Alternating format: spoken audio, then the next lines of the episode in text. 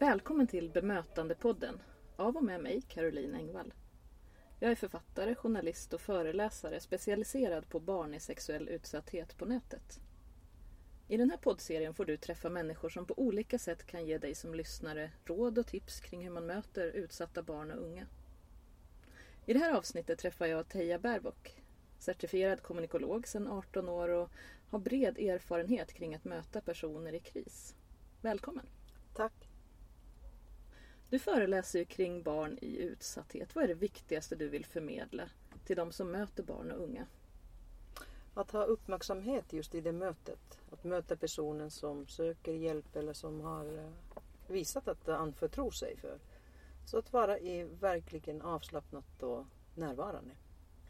Just det här med bemötande, det låter ju så enkelt att vara närvarande och intresserad. Men varför ska det då vara så svårt?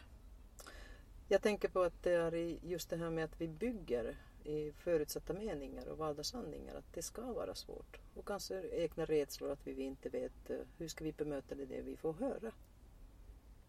Är det då någonting att vara rädd för?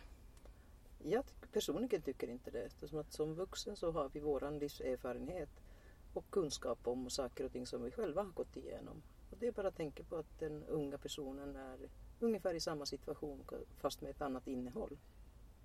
Kan det vara en fördel, tycker du, att själv ha gått igenom svåra saker när man möter utsatta barn och unga? Absolut. Att just egna erfarenheter gör ju att vi kan skapa ett förståelse hur vi har känt oss i, i de trängda situationer eller när vi känner någon slags skam eller tycker att vi har gjort någonting fel. Är det någonting som man kan använda sig av och i så fall på vilken nivå så att det inte blir för gränslöst i mötet med en utsatt barn eller en ung person? Just ett utsatt barn eller ung person som har varit med om någonting som egentligen vi inte vet någonting om förrän vi har haft det här samtalet så tänker jag att det är oerhört viktigt att ha uppmärksamheten att inte ta med sig sina egna erfarenheter och valda sanningar till det mötet utan lyssna på den personen som berättar och anförtror sig för oss. Och om man tänker på det här med valda sanningar och våra egna tolkningar av agerande. Hur, om vi ska dyka in lite djupare i det, hur kan det till exempel fungera? Att vi tolkar i personens positioner, kroppsspråk, eh, mimiken, blicken, tonlägen. Det är någonting som vi själva har varit med om. Som till exempel den enkla frågan att ja, är du ledsen? Men vad är en person som är ledsen? Tittar, tolkar vi på liksom nedåtblicken, eh, eventuellt en lite blygsam kroppshållning. Och det vet vi inte egentligen vad som ligger bakom utan det gäller att ställa i neutrala frågor. Att hur har du det? Och jag ser dig att du tittar neråt och då undrar jag, är det någonting du vill berätta eller är det någonting som är obekvämt eller möjligtvis så att eh, du är ledsen? Vad kan vara faran med att eh, ha de här tolkningarna eller valda sanningarna med sig? Just tolkningar av valda sanningar så att det, då i så fall liksom utgår jag som vuxen i en position eller förutsatta mening och det kan se helt annat vad en person mitt emot tänker eller har erfarenhet av. Och just att sätta de meningarna eller påståenden kan göra att hela relationen och samtalet låser sig.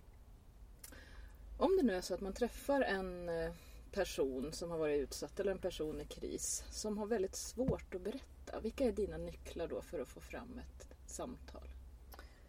Det som jag nämnde tidigare, att försöka ställa neutrala frågor i, och också liksom kanske referera just det, vad är det jag ser och vad jag undrar över. Och om det fortfarande inte löser upp liksom ett, en dialog så behöver vi kanske berätta lite om våra egna erfarenheter och framförallt påminna om att uh, jag är där för att jag är nyfiken och jag vill gärna hjälpa med det jag kan. Jag vet ju att du har en tanke med hela mötet. Från att du träffar personen i dörren till eh, det ställe där du arbetar på och hela vägen in i det rum som ni sen kan sitta och samtala i. Berätta, hur tänker du där? Jag tänker ofta så här att jag försöker möta människan där människan är. Så att eh, jag kan ju tolka att okej, okay, det kanske är lite obekvämt och det kanske finns en eh, rädsla att möta mig. Och då öppnar jag dörren och visar till personen att hon är välkommen in. Och sen väntar jag in om personen själv väljer att kliva in. eller om personen väntar att jag ska gå före och leda den personen. Samtidigt när vi går en eh, sträcka till mitt rum så ställer jag enkla frågor. Hur var resan hit? Var det enkelt att hitta? Och vill du ha någonting? Och dricka kaffe, te, vatten? Och sen går jag i samma takt med personen och gärna bredvid och eventuellt ibland lite bakom så att personen själv så får känna liksom att det är jag som väljer vägen. Och hur agerar du när du kommer fram till ditt rum? Då öppnar jag dörren och så väntar jag i någon sekund om personen själv väljer att gå in först eller om personen önskar att jag går in först. Och därefter kliver vi in i rummet så har jag i tre platser att sitta på i mitt rum. Och då låter jag personen själv välja vilket av dem. Ett av stolarna är lite mer exklusiv i sin utseende.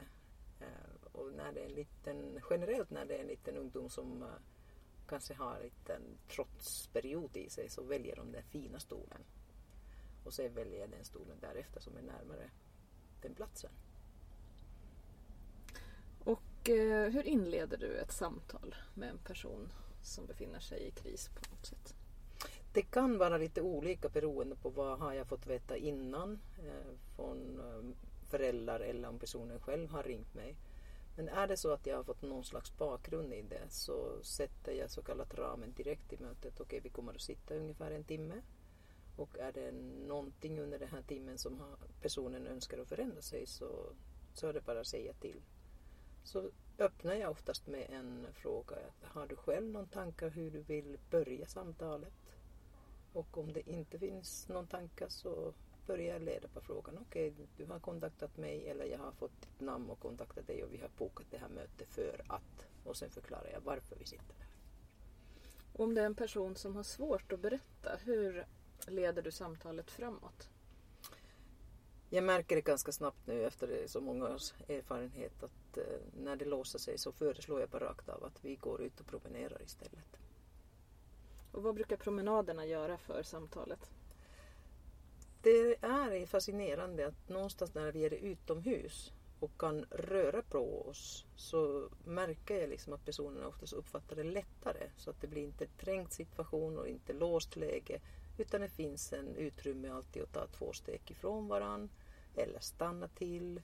Eller kanske det kommer liksom någonting som vi upptäcker, ett eh, rådjur eller någonting som man bemöter i på ett fascinerande sätt och så vidare, vidare för man samtalet vidare från det. Finns det fler praktiska tips som man kan använda? Jag har alltid uppmärksamheten på att lyssna på personen framför allt. Eh, eventuellt ställa liksom följdfrågor men inte vara i någon slags förhörare utan mer att samtalet kommer vidare. Titta på ögonen men inte stirra ut. Samtidigt eh, om det finns en möjlighet så ibland kan jag lägga liksom handen på axeln och verkligen visa liksom att jag är där och jag finns där. Hur kan man tänka just kring den fysiska beröringen? Är det alltid bra att röra vid en människa eller hur ska man dra gränsen där?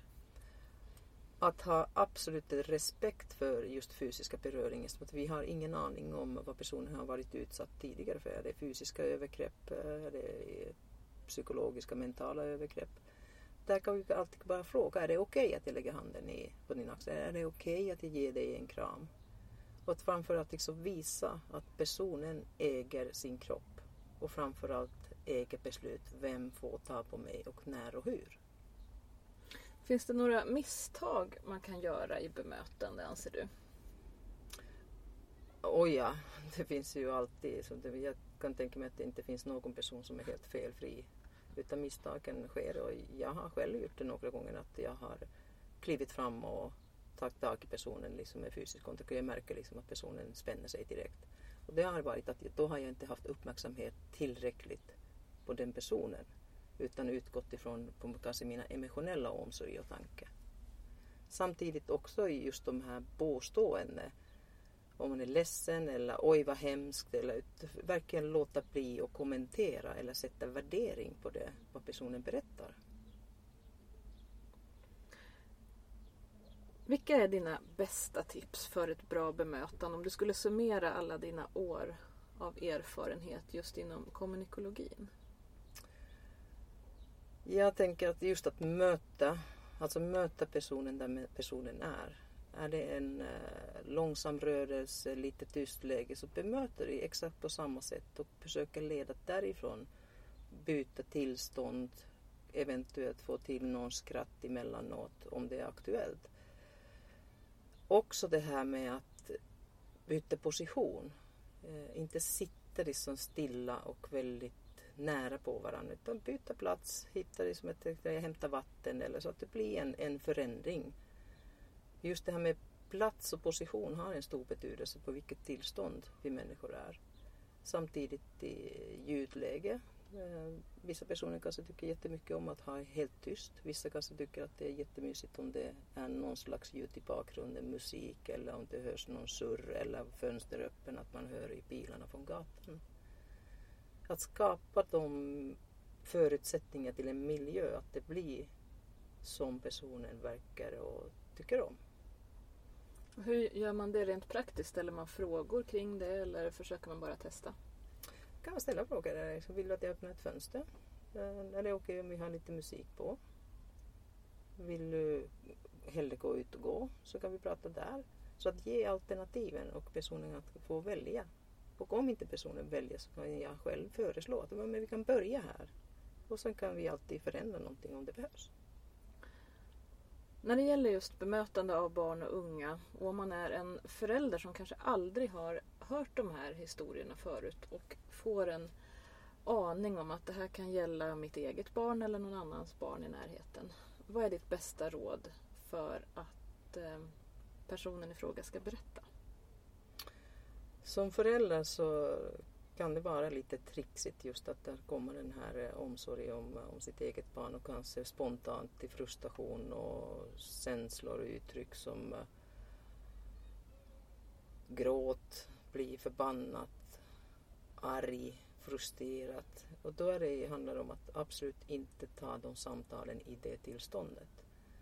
Utan försöker att hitta i några luckor i till exempel öppna att jag har lagt märke till att du inte längre gå och rida eller du inte längre går eh, och spelar fotboll. Eh, då undrar jag liksom, har det hänt någonting? Och inte behöva liksom fortsätta att sätta en tid att en kväll ska vi lösa allt. Utan droppa in i frågor lite grann. Eh, inom en bilresa i bilen. Ett utmärkt sätt att prata så att då kanske barnen och ungdomar slipper i ögonkontakt och har lättare att berätta. Som vuxen förälder är gärna ta hjälp av andra vuxna. Kontakta och fråga hur skulle jag gå tillväga och, och vara öppen i att det finns flera olika möjligheter. Samarbeta, ge barnet tid alltså. Också det här med bemötande med närvaro som ju är din specialitet. Heja Berg tusen tack för att du har varit med i Bemötandepodden. Tack detsamma. Du har lyssnat på ett avsnitt eh, av och med Caroline Engvall.